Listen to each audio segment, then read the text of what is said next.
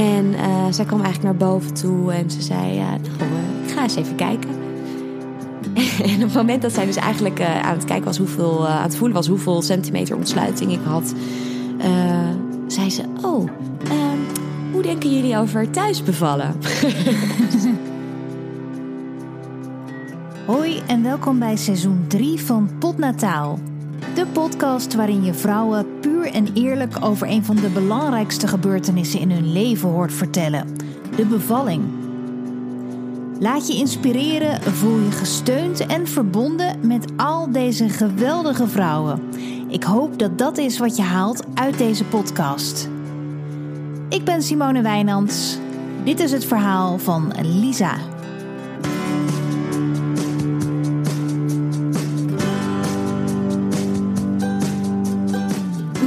Lisa Sips. Ik uh, ben actrice en ik ben de moeder van Jonah van 3,5 en Charlize van uh, een jaar en twee maanden. Ik woon op dit moment in Blaricum. Ik heb uh, heel lang in Amsterdam eigenlijk gewoond, voor de kinderen. En ik kom oorspronkelijk uit Harderwijk van de Veluwe. En ik heb een eigen moederkanaal genaamd Mommy Proof TV. Dat doe ik samen met een vriendinnetje van mij, Sofia Dienstra. En wij maken daar eigenlijk moedercontent die uh, volledig geïnspireerd is op uh, herkenbaarheid. Dus uh, meiden die, moeders die in verwachting zijn en die eigenlijk op zoek zijn naar een stukje herkenbaarheid. Dat ze verhalen tegenkomen die ze eigenlijk ja, wat meer, waar ze wat meer steun aan halen op het moment dat ze dat ja, twijfels hebben of onzekerheden. We doen dus ergens een klein beetje hetzelfde. Ik met Potnataal en zij met Mommy Proof TV. Lisa ontvangt me in haar gezellige huis in Blaricum, waar ik grappig genoeg ook bijna had gewoond. Tenminste, niet bij haar huis natuurlijk, dat zou een beetje gek zijn.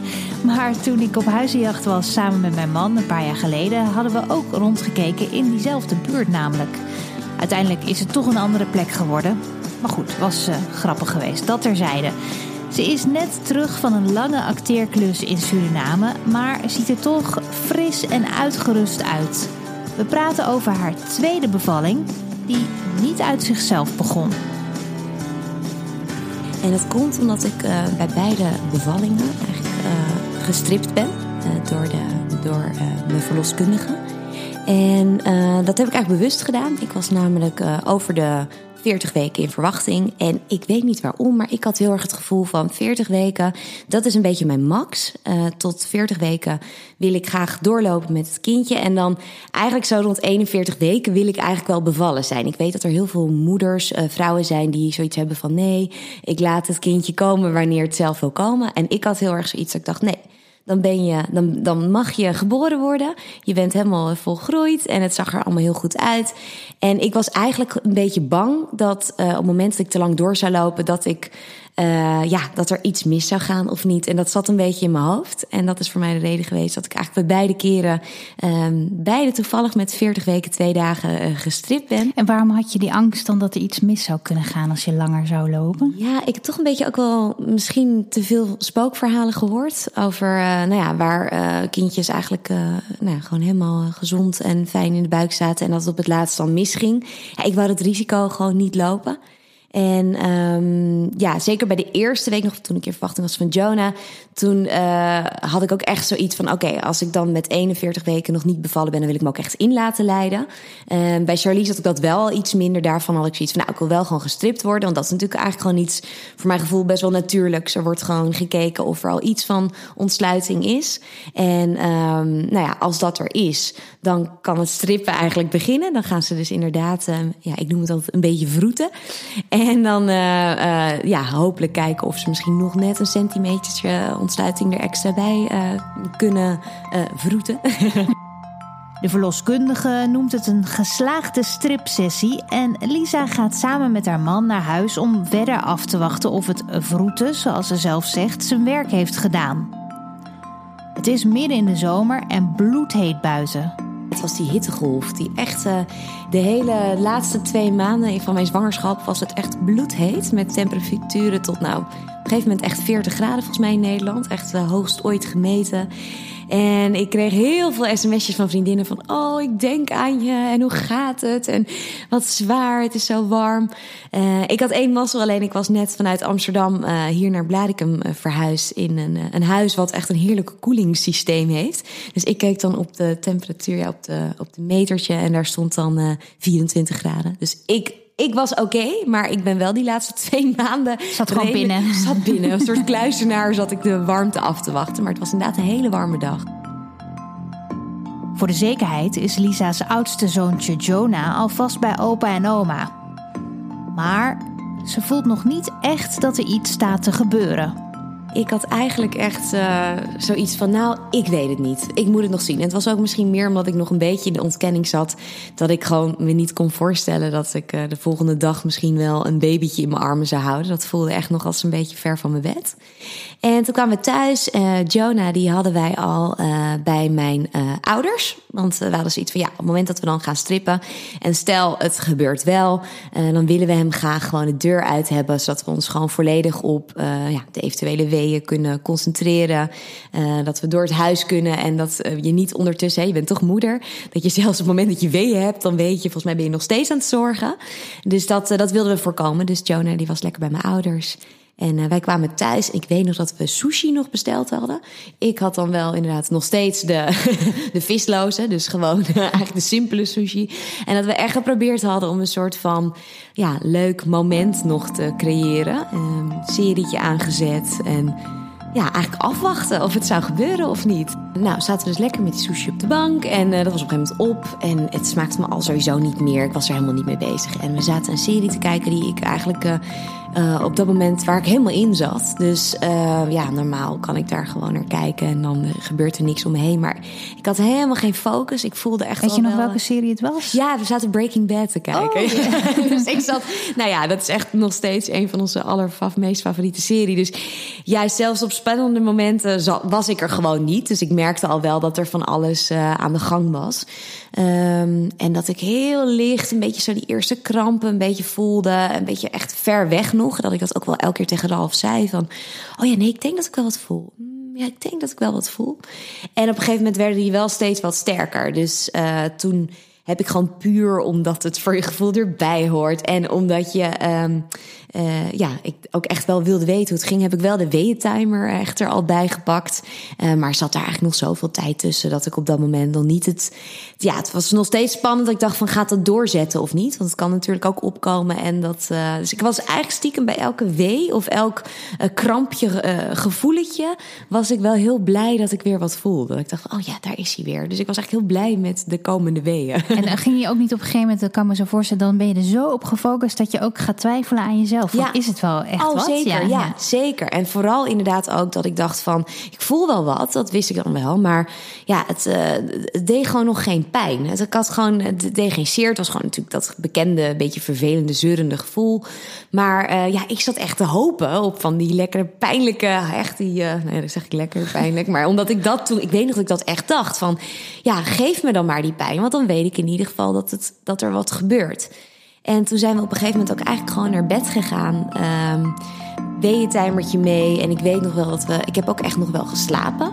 Uh, en dat ik eigenlijk halverwege de nacht ook wel dacht van. Nou, uh, ik denk dat het niet gelukt is. Want ik, ik voel eigenlijk gewoon niet zo heel erg veel meer. Na een rommelige nacht waarin Lisa zich eigenlijk neer probeert te leggen bij het idee dat het strippen niet is gelukt, keert de tijd toch tegen de ochtend alles wat ik daarvoor op die weeëntimer had bijgehouden, dat kon echt de prullenbak in. Want nou ja, daar zat zoveel tijd tussen. En dan kon ook een beetje beoordelen van hoeveel pijn deed hij. Nou, ik zat eigenlijk alleen maar op groene poppetjes. Dus van, nou, niet echt. En ik merkte wel dat in de ochtend, uh, ja, toen, toen begon uh, wat het serieuzere werk wel. En dat ik ook echt eigenlijk heel blij was. En dat ik ook echt, uh, ik weet nog dat mijn moeder aan het appen was van, oh mam, ze doen nu wel echt serious. ik was er eigenlijk, eigenlijk heel, heel blij om. Ja, dus het. En uh, het enige wat, wat ik heel lastig vond, en dat is ook bij mij uiteindelijk bleek een beetje een miscommunicatie geweest, is dat ik heb een aantal keer bij de verloskundige gezeten en zei ik, ja, wanneer bel je nou ook alweer? Wat, wat is nou het moment dat je echt voor het eerst even laat weten van, joh, ik weet dat er wat gebeurd is. Nou, en toen kreeg ik eigenlijk te horen van, nou ja, Uh, eerste instantie niet. Weet je, je belt gewoon in eerste instantie niet. Je gaat gewoon, op het moment dat je weet dat er iets gaande is, dan vang je ze gewoon op. En uh, nou, doe lekker je ding, want het, ja, zal niet zo rap gaan natuurlijk. Uh, hoewel ze wel hadden aangegeven, want zal misschien, Jonas, zat er echt veel tijd tussen. We hebben echt ja, lang wegen gehad, lang perswegen gehad. Dus zei ze, nou, alles zal nu wat sneller gaan. Maar ja, niet te snel bellen.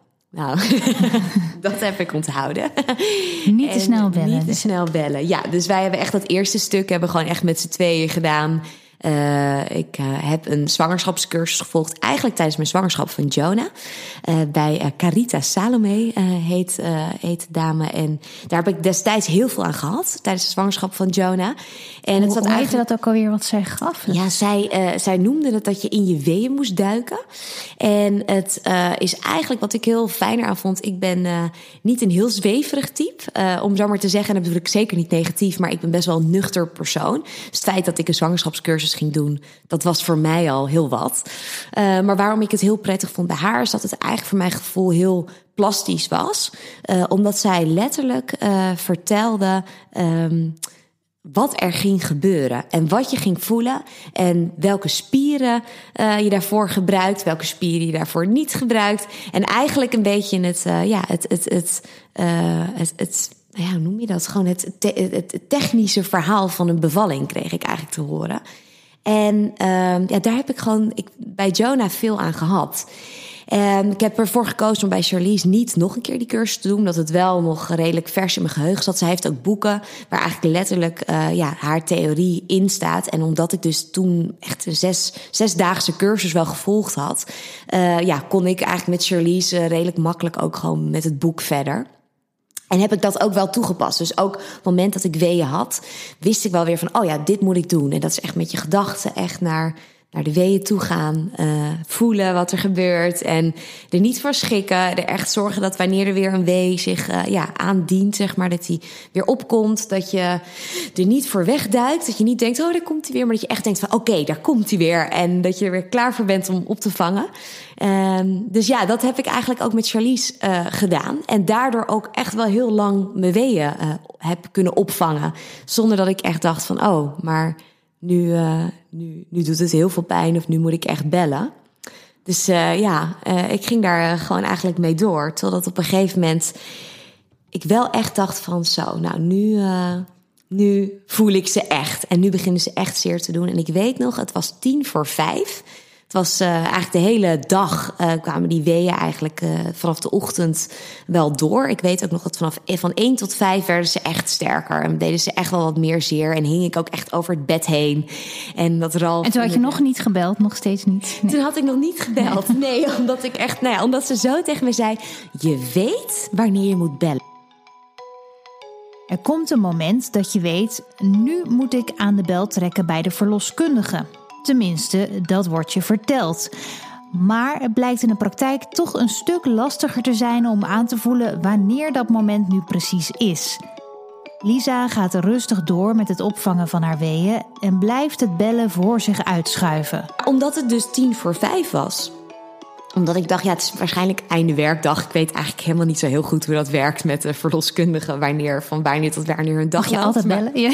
ik dacht, ja, het is tien voor vijf. Ja. Dus misschien... Uh, Wat aardig het, van je. Ja. Precies, gaan we naar de avond toe. Dacht ze, zei, uh, nou, ze eigenlijk Ralf tegen mij van... joh, bel nou even en zeg gewoon dat het strippen geslaagd is. Want daar waren zij natuurlijk ook wel nieuwsgierig naar... of de dag daarvoor of het gelukt zou zijn of het doorgezet zou zijn.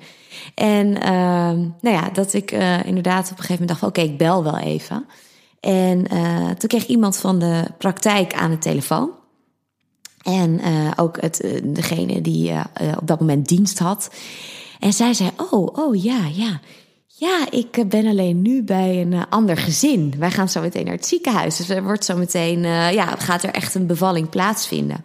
Zij vroeg ook hoeveel pijn heb je? Ik zei, nou ja, ik zeg, ja, ik voel nu wel echt wat. Ik zeg, ik weet in ieder geval zeker dat wel echt de baby gaat komen. Dus dat, uh, dat de stripsessie eigenlijk geslaagd is. Uh, en toen was het, werd het een beetje gek. Want zij zat bij, net bij een gezin. Er was eigenlijk niemand anders op dat moment. Uh, dus zij kon eigenlijk niet langskomen. Nou ja, en toen, ik, ik ben best een heel relaxed persoon. Ik heb eigenlijk nooit uh, stress om iets. Dat zei ik, nou, ik heb echt lang gewacht met bellen. Ik denk, nou, dat doe ik hun ook een plezier mee. Nou ja, achteraf had ik natuurlijk misschien wat eerder moeten bellen. Maar uh, toen zei ik wel van, nou, dat vind ik eigenlijk wel vervelend. Want ja, ik denk dat er wel echt iemand nu moet komen. Want uh, het gaat wel, maar het, ja, ik ben best wel even onderweg.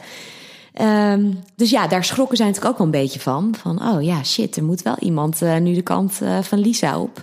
En toen zei ze, nou, vind je het dan goed dat er een collega van een andere praktijk gewoon even bij je langskomt? Want er zal waarschijnlijk nog niet zoveel aan de hand zijn. Waarschijnlijk ja, heb je misschien al een aantal centimeter ontsluiting. Maar dan kan ze in ieder geval even voelen, even kijken. En dan krijg ik dat teruggekoppeld en dan kunnen we daarna weer, weer verder kijken. Zeg, ja, prima, weet je, maakt mij niet uit wie er komt. Ik hing niet heel erg aan iemand binnen de praktijk. Dus ik had iets van, joh, ja, als, uh, als iemand anders kan komen, is dat ook prima. Ja, je weet het toch nooit van tevoren wie je krijgt. Dat is het, ja. ja. En ik heb zoveel gezichten gezien. Volgens mij liepen er een, een stuk of drie. Dus ja, weet je, of er dan nog een vierde bij zou komen, ja, maakte mij niet zo heel veel uit. En... Uh, ja, toen uh, kwam, was er iemand onderweg. Hulp was onderweg. En uh, ik dacht eigenlijk dat ze zou komen.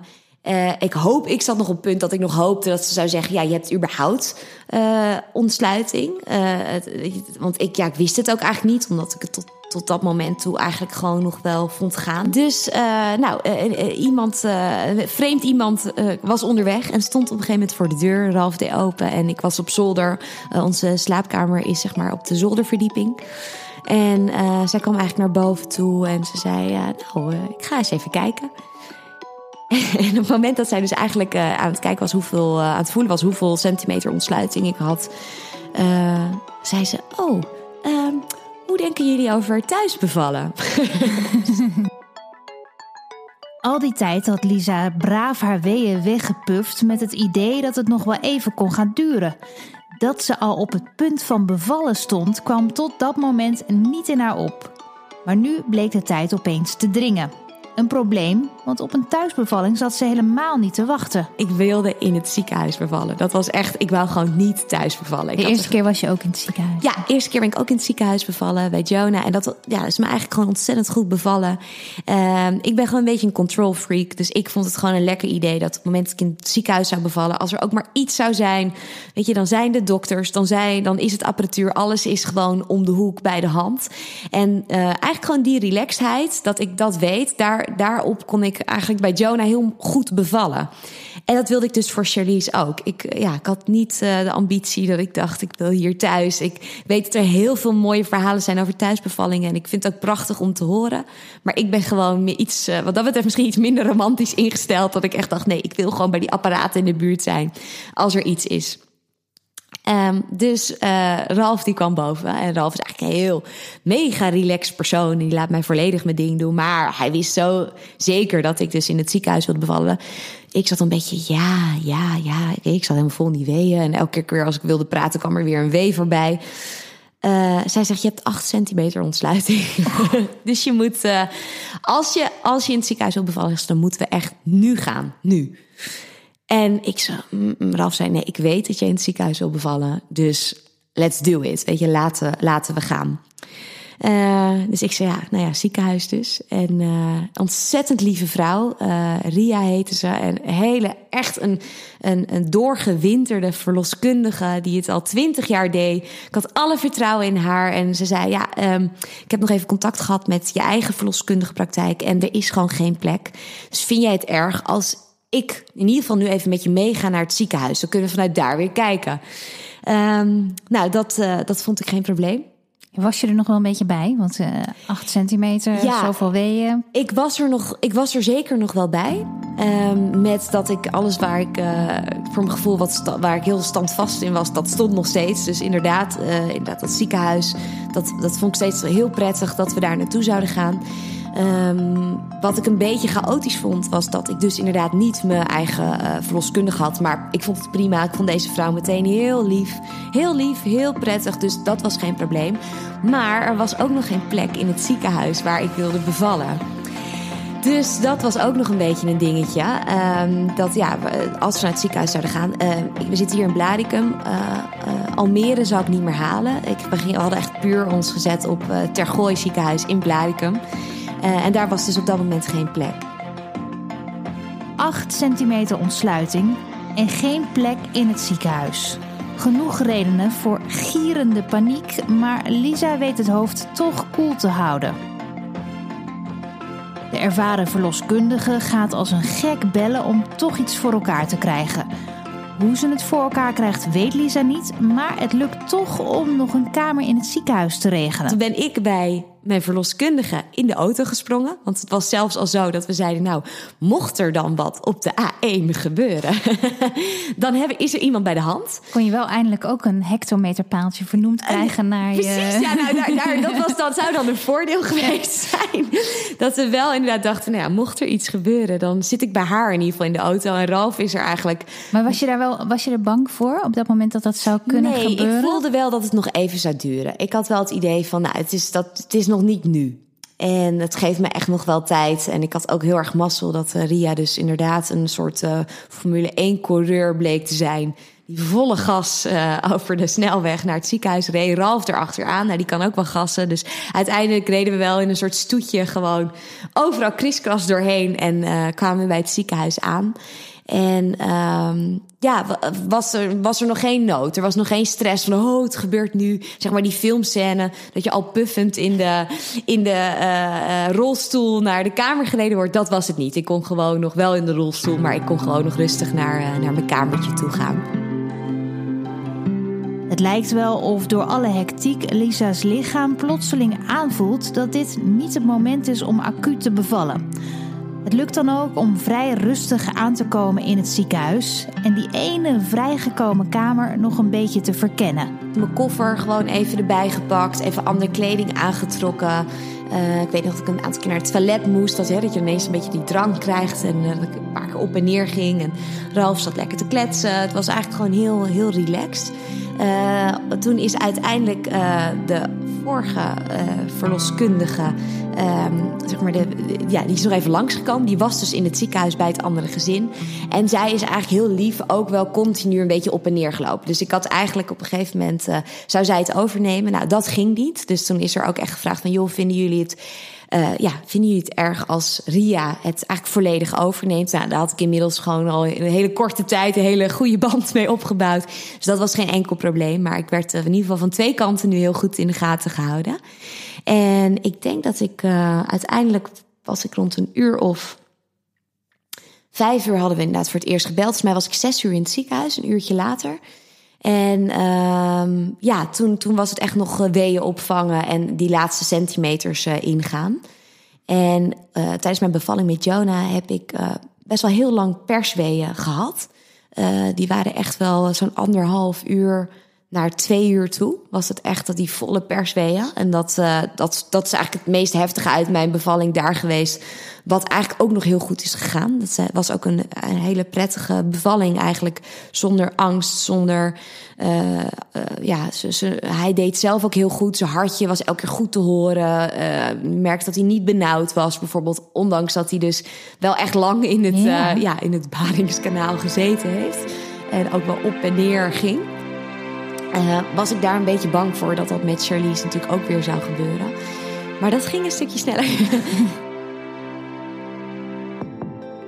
Ze is nog geen uur in het ziekenhuis als de eerste echte persweeën zich aandienen.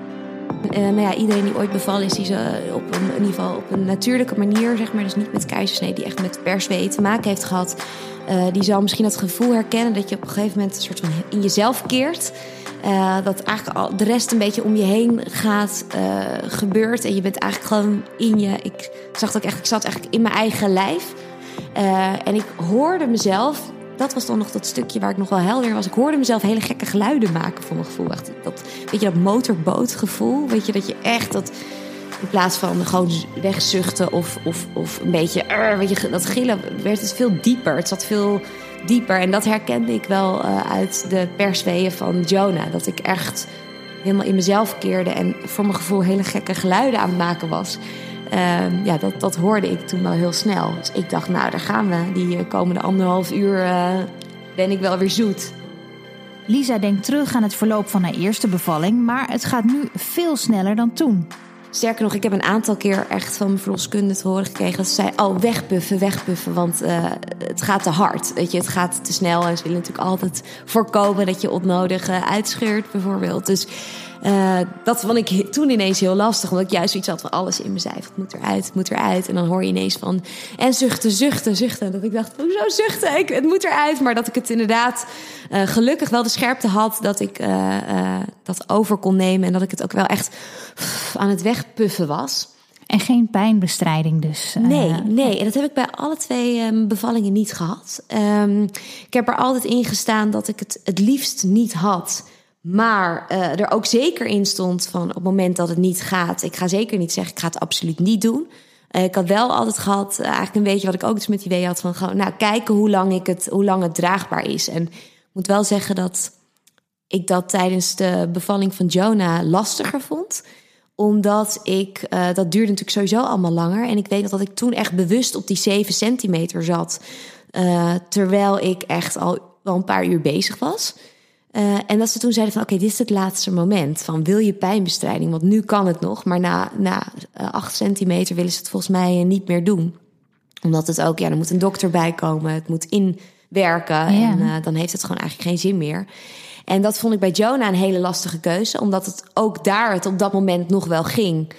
Uh, maar ik niet wist uh, in hoeverre uh, ik het later nog draagbaar zou vinden. Ja, want het was een redelijke uitputtingsslag. Ja, zeker. En ik was ook, omdat ik al zo lang bezig was, ook had ik echt zoiets van: ja, jeetje, weet je, moet ik nu die keus maken? En ik weet nog dat Ralf, die, uit, ja, die vond het heel moeilijk natuurlijk om te zien dat ik pijn had. Dus die had zoiets van: ja, als het niet meer gaat, dan doe je het gewoon. En hij ging op een gegeven moment de auto verzetten. Want die stond dus nog bij de spoedeisende hulp. En die moest naar de gewone parkeerplaats. Hè, waar je dan ook nog mee bezig bent tijdens zo'n bevalling. en toen zei mijn verloskundige toen bij Jonah... zei ze, nee, jij kan dit zonder. En dat was natuurlijk eigenlijk iets waar zij niet echt heel erg een mening over nee. ja, ze hoort te hebben. Ja. Maar het was eigenlijk, ja, ik vond het eigenlijk wel heel lief, ja, heel lief bedoeld. Ze zei, volgens mij kan je dit wel zonder. En, en omdat zij dat toen zo zei, dacht ik, oké, okay, nou dan dan doe ik het ook zonder. Of zo. Ze schatten jou goed in misschien. Ja. Ik denk het wel, ja. want uiteindelijk, ja, weet je, niemand zou zeggen dat een bevalling een prettig gevoel uh, is, uh, geeft. Maar ja, als ik, ja, ik heb wel, wat ik wel van mezelf weet, is dat ik een redelijk hoge pijngrens heb. Ik ben ja ook, weet je, als er iets in dagelijks leven gebeurt, ik heb gewoon niet heel ja, mensen die van zichzelf weten van, oh ik heb wel snel pijn of ik vind pijn heel onprettig en ik ga daar niet goed op, dan raak ik in paniek. Nou, ik wist wel dat ik dat niet had. Dus dat uh, maakte de keuze iets makkelijker, hoewel dat toen echt uh, gissen was. En bij Charlize is het eigenlijk niet eens te sprake gekomen. Heel gek, ja, misschien toch omdat ik dus al met die acht centimeter thuis zat was ik waarschijnlijk al over het punt heen, überhaupt, om, uh, om, om naar de pijn, pijnbestrijding toe te gaan. Maar ik heb er ook helemaal niet aan gedacht op dat moment. Uh, ik was er ook niet. Het, ja, het voelde voor mij echt zo van ja, het hoort zo. En de vorige keer heb ik het ook zo gedaan. Ik maakte ook wel eens een grapje dat ik zei: Nou, als ik naar de tandarts krijg uh, en dan moet ik ga en er moet één dingetje gedaan worden, krijg ik een prikje en een uh, paracetamol of een ibuprofen. Ik zei, nou, ik heb nog geen paracetamol aangeboden gekregen. dus dat, ja, dat, ik, ik, ik zou zeker niet zeggen van je moet zonder pijnbestrijding bevallen. Want voor iedereen is het anders, maar voor mij werkte dat wel heel goed. Met het idee in haar achterhoofd dat het persgedeelte nog wel even gaat duren, omdat dat bij haar zoontje ook zo was, begint ze aan het laatste stukje van haar bevalling. Maar dan blijkt het toch heel anders te gaan. Volgens mij zijn het drie persweeën uh, geweest uh, dat ze daarna geboren is. Dus ja, eigenlijk wat, wat voor mij voelde als, in, als een soort van, nou, we gaan beginnen. Toen was ze er eigenlijk al. Dus dat, dat, dat vond ik heel gek. Wat ik wel echt herkende, ook het gevoel, ik weet niet, misschien dat anderen dat ook herkennen. Ik had er geen zin in.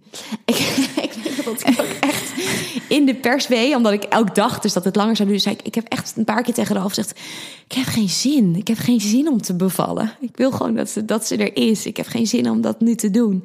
Dus ik ben eigenlijk wel uh, beloond met dat het dus heel snel gegaan is. Want ik had er echt geen zin in. Het schijnt inderdaad dat je dan op een gegeven moment op zo'n punt komt, eigenlijk op het allerergste punt. Ja. En dat de meeste vrouwen dan opeens denken, ik kan het niet, ik ja, wil het niet. Ik kan het ik, niet. uh, ja, Ik, ik had het heel erg, nou niet zozeer met ik kan het niet, maar wel meer dat ik, van, ik dacht, ik heb gewoon geen zin ik, ik heb geen zin om te bevallen, kan het nog stoppen? Weet je, ja. dat, dat gevoel, wat natuurlijk heel gek is, maar je bent natuurlijk sowieso niet helemaal, uh, er niet helemaal meer bij. Maar ik, uh, ja, dat, dat punt, ik denk dat dat misschien het herkenbare uh, punt is. Dat dat het beetje hetzelfde geweest wat jij nu omschrijft. Ja. Dat, ik echt dacht van... Pff. Haar hoofd zegt nu even niet, maar haar lijf zegt toch iets heel anders. Er is geen houden meer aan. Haar man sleept haar door het laatste stukje heen. Het is toch wel voor mij ook het mooiste moment wel echt uit mijn leven ook geweest. En dat hebben we echt samen gedaan. Ik heb zo superveel aan Ralf gehad tijdens beide bevallingen. Dat ik op dat moment ook niemand anders nodig had. Ik had eigenlijk zoiets van, dit, dit is echt ons moment. We gaan dat gewoon met z'n tweeën nog een keer, uh, nog een keer doen. Wat ik bij beide keren gehad heb, is dat ik best wel veel blur boven mijn hoofd hoorde. Uh, waar ik echt wel bepaalde dingen van uitpikte. Inderdaad, als ik hoorde zuchten, dan hoorde ik wel zuchten en dan deed ik dat ook. Maar wat er boven me uh, gebeurde, uh, ja, dat, dat ging eigenlijk een beetje langs me heen. De enige die mij dus echt heel goed kon bereiken was Ralf. En dat was ook tijdens de bevalling van Jonah. Ik weet nog dat ik echt eigenlijk allemaal lieve dingen ergens hoorde. Van, oh je kan het meisje en zet hem op lieverd. En, uh, en dat was echt een soort van waas. Maar Ralf die had dus bedacht, ik weet niet hoe, want achteraf bleek dat briljant. Die sprak mij aan met Lisa. Dus op het moment dat dan de verloskundigen zijn van weg, wegpuffen of puff het weg... En ik hoorde dat niet helemaal goed, omdat dat, ja, ik daar niet zo mee bezig was. Dan zei hij, Lisa, Lisa, luisteren. Of Lisa, puffen. En doordat dat, niemand spreekt me eigenlijk zo aan, op, op, ja, zeker niet op zulke momenten. Dat, daar, maakte me echt even wakker. Ik dacht, oh, oh ja, puffen. Wegpuffen. Ja, hij dus haalde nu, je even bij de les. Hij haalde me ja. er echt bij. Ja, ja. En zonder dat het een soort van heel... Uh, het, was best, het klonk best wel streng, maar dat was wel wat ik op dat moment dus nodig had. Dat Ja. hij echt gewoon mij aansprak van... Nou, hup, luister. Weet je wel, gewoon ook dat, dat stukje. Ja. Het maakte wel indruk op me dat ik dacht, oh ja. En dan ging het goed. Niet ja. een man die zelf week in de knieën werd in nee, ieder geval. Nee, hij was nee. heel scherp. Hij was helemaal aanwezig. En, en zeker ook de bevalling van, met Jonah, die, die duurde natuurlijk veel langer. Dus we zijn ook veel langer in het ziekenhuis geweest. Hij was er zo bij. Hij stond echt, eh, nou ja, eigenlijk... eh, ik weet nog dat ik bij Jonah heel erg lang over het bed gehurkt stond. En dat hij echt gewoon achter me mijn rug stond te aaien. En dat ik dat op dat moment heel fijn vond. En op een gegeven moment vond ik het niet meer fijn. En dan had ik zoiets van, nou, klaar. En dan wist hij dat ook meteen. Dan ging hij, zei ik, oh ja, ga aan de andere kant staan. Ik had ook helemaal voorgenomen dat hij dus niet... ja, stom hè? Dat sommige dingen... Niet zo gaan eh, kijken. Ja. ja. nee. En ik zei, ik heb, ik heb ook met hem afgesproken. Ik zei, als de dokter komt en die gaat zeggen... oh, kijk, hier is het hoofdje, kom even kijken. Dat ik zei, niet doen. En dan heeft hij zich aan gehouden. Ja, hij heeft zich aan gehouden. En dat grap is omdat hij dat zelf ook eigenlijk wel oké vond. Want Maar, maar had het je zelf nog uitgemaakt op dat moment? Want dat heb je natuurlijk van tevoren bedacht. Ja, maar- nee, ook wil Ja. het absoluut niet. Daar was ik echt, daar was ik heel stellig in. Ik echt zoiets, je staat bij mijn hoofdeind. Je staat niet bij mijn voeteind. Oh, grappig, dat was, ja. Grappig, hè? Ik, Ja, dat, ja. ik ben best wel een control freak. En dat, dat heb ik zelfs tijdens bevalling heb ik dat overeind gehouden. Ehm, ja, omdat ik, ik, nee, ik had zoiets van, nee, kom maar bij mij. Ik zie ook niks. Eh, weet je, kom hier maar. En eh, ook met het idee van, je weet ook niet wat het met een man doet. Ik had zoiets van, nee, ik wil, ik, ik wil het gewoon niet. En dat, eh, ik weet niet waarom, heel stellig. Nee, hij stond gewoon bij mij achter. En dat, daar had ik hem ook nodig. Want ja, ook nog een ding, dat ik dacht, ik ga zeker niet op mijn rug bevallen. Eh, dat had ik ook geleerd hè, bij Carita. Die zei, dat is een onnatuurlijke houding. eh, of in een hurk, of je gaat eh, inderdaad op handen en knieën. of op een kruk, of nou, alles kwam voorbij, maar niet op de rug. Nou, ik ben beide keren op de rug bevallen. dus dat loopt wel zoals het loopt. Drie keer persen en ze is daar. Haar prachtige dochtertje. Charlize wordt op haar borst gelegd door de verloskundige. Ja, het mooiste moment natuurlijk, hè? Dat je zo'n eh, klein, eh, glibberig, warm, roze babytje zo op je krijgt. Ja, ik vind dat echt... Ik kan daar echt met zoveel liefde aan, aan terugdenken. Dat het echt... ja, je kindje er is. En dan het eerste gilletje gewoon. Dat, dat ze gewoon... volgens mij is echt de boel bij elkaar geblerd. Ja, heerlijk, fijn. Het leeft, het ademt, het, het is er. Het is goed gegaan. Eh, de bevalling is klaar. Hè? Dat, dat is ook wel iets waarvan ik dacht, oh lekker. dat was lekker snel. Eh, dus ja, het, eh, het, alleen maar geluk eigenlijk. op het moment dat je zo'n zo'n wurmpje op je krijgt. Ik weet wel dat ik er echt beeldschoon vond. Echt dat ik dacht, wat is dit? Hoe kan dit, dit net geboren kindje zo mooi zijn? Maar ja, dat heeft natuurlijk iedereen. Maar ik, oh, ik vond er echt zo prachtig. En omdat ik heb een jongetje en een meisje. Ik vond het best wel een verschil. Ik vond dus wij alle twee niet heel groot bij geboorte, ook niet klein. Maar uh, volgens mij was Jonah uh, 36, 36. Uh, ik weet niet meer exact wat Charlize was, maar iets eronder. Volgens mij 3200 gram, zoiets. En um, ja, ik vond er zo'n klein kaboutertje. En ik vond echt al heel erg een meisje. Omdat ik, ja, ik was natuurlijk een jongetje gewend. Ik dacht echt, nee, dit is echt een meisje, zegt mijn dochter. Ja, dat vond ik heel bijzonder. En dat, uh, ja, natuurlijk een mega cadeau. Dat als je na een heerlijk ventje ook zo'n mooi meisje nog mag krijgen. Dat, uh, ja, dat vond ik wel echt geweldig. Ze is helemaal in de gloria met haar nu complete gezin. En de rest van de wereld kan haar gestolen worden. Ik was eigenlijk heel snel alweer bij. En het cliché verhaal echt het grootste cliché van je vergeten pijn. Ja, dat ging eigenlijk bij mij bij de uh, bevallingen hartstikke op. Ik, uh, ja, wat dat betreft uh, ben ik ook het voorbeeld die vriendinnen ook wel eens gebruiken van, oh ja, het kan ook.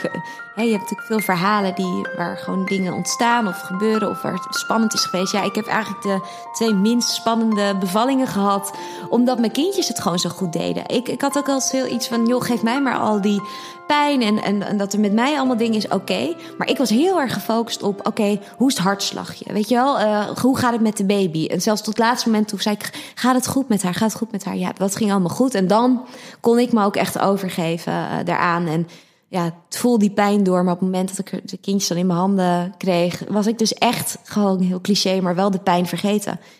Um, ook misschien omdat het gewoon goed gegaan was, omdat ik niet was uitgescheurd, omdat ik geen achteraf nog pijnlijke dingen. Uh, uh, ja, één, één heel klein hechtingje uh, bij Jonah en bij Charlize eigenlijk niks. Dus ja, um, ook daarna was het gewoon redelijk snel klaar. Heerlijk, ja. ja. En dan ja. mocht je eigenlijk meteen naar huis dan? Ja, we zijn eigenlijk heel snel. Uh, ik weet nog dat ik inderdaad het, hè, het, het, het boterhammetje en beschuit met muisje daar nog wel heb opgegeten. Omdat ik echt al na die sushi, volgens mij uh, van de dag ervoor, echt niks meer gegeten had. Um, mochten wij inderdaad uh, uh, al het carsitje gaan halen en het liefst ook zo snel mogelijk ook weg. Ik heb, ik heb ook altijd zoiets. Ik denk, nou, op het moment dat je dan weg mag met een kind uit een ziekenhuis, moet je dat ook doen. Want dat is natuurlijk niet een plek waar je uh, te lang wil blijven als niet nodig is. Dus dat, dat weet ik wel dat ik dat bij Jonah heel heftig vond. En bij Charlize minder heftig. Dat je, ja, voor je gevoel een paar uur geleden, twee uur geleden bevallen bent. En dat je alweer naar de auto toe loopt. Van ik ga weer naar huis.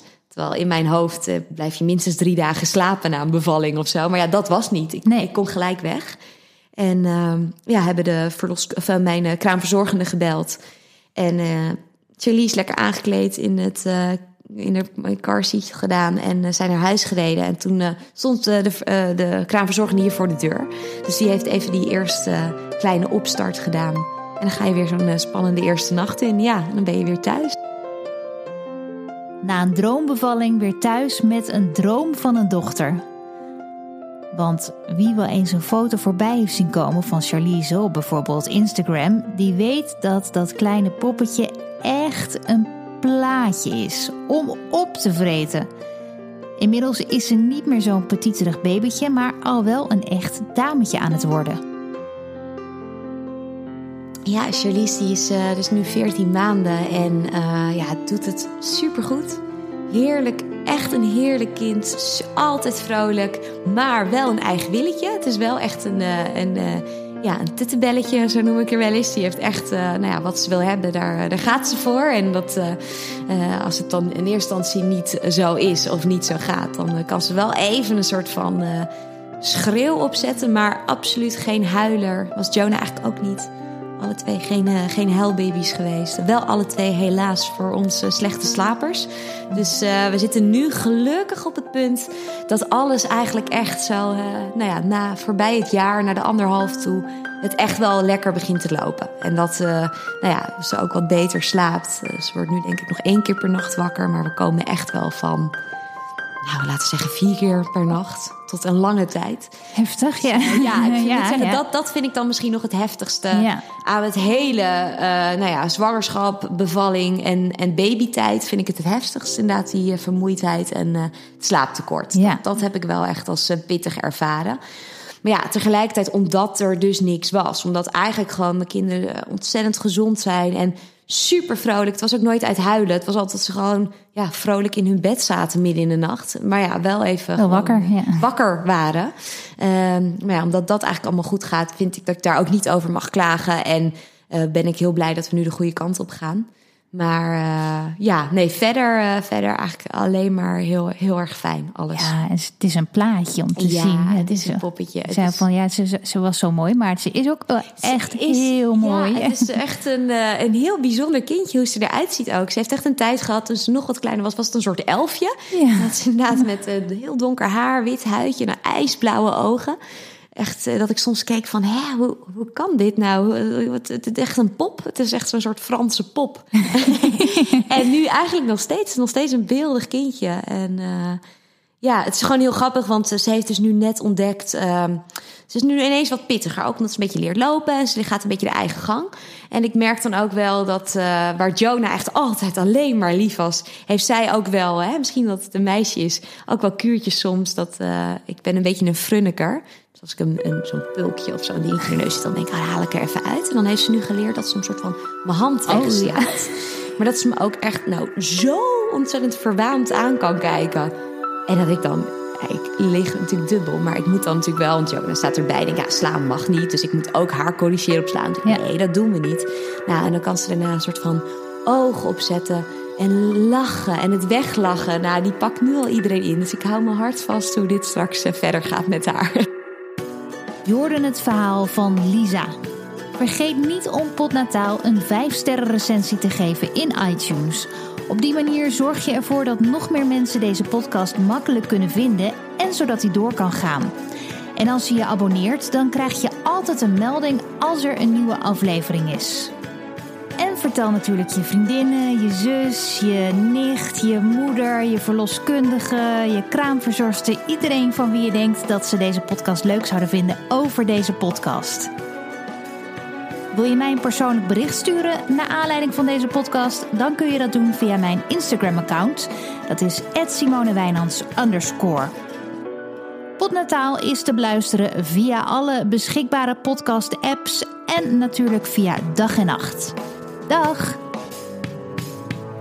Ik vind het ook wel eens lastig, soms ook in interviews die ik erover gehad heb. Dan zei ze toch van ja, hoe was je bevalling? En dan kan ik haast niet anders zeggen dan dat het gewoon, dat het, ja, ik er een hele fijne en goede uh, uh, ervaring mee heb. Natuurlijk zeker niet wil, het wil bagatelliseren of uh, ja, wil zeggen dat, dat alle bevallingen zo zijn. En dat mensen bij wie het misschien wat zwaarder geweest is, uh, ja, dat je dan denkt van of die wel pijnbespreiding gebruikt, hebben, wat dan ook. Er zit voor mij echt geen enkele waarde, geen enkele oordeel in. Maar ik heb het gewoon als iets heel positiefs ervaren. En uh, ik vind het juist heel mooi dat er zoveel verschillende verhalen zijn ook. Dus uh, ja, weet je, mocht het uh, anders gelopen zijn, had ik het ook eerlijk verteld. Dus het is zeker geen roze wolkverhaal en ik laat alle negatieve dingen weg. Maar ook gewoon echt dat uh, ja, een bevalling ook gewoon iets heel prachtigs kan zijn. waar je gewoon met heel veel liefde en plezier naar terug kan denken.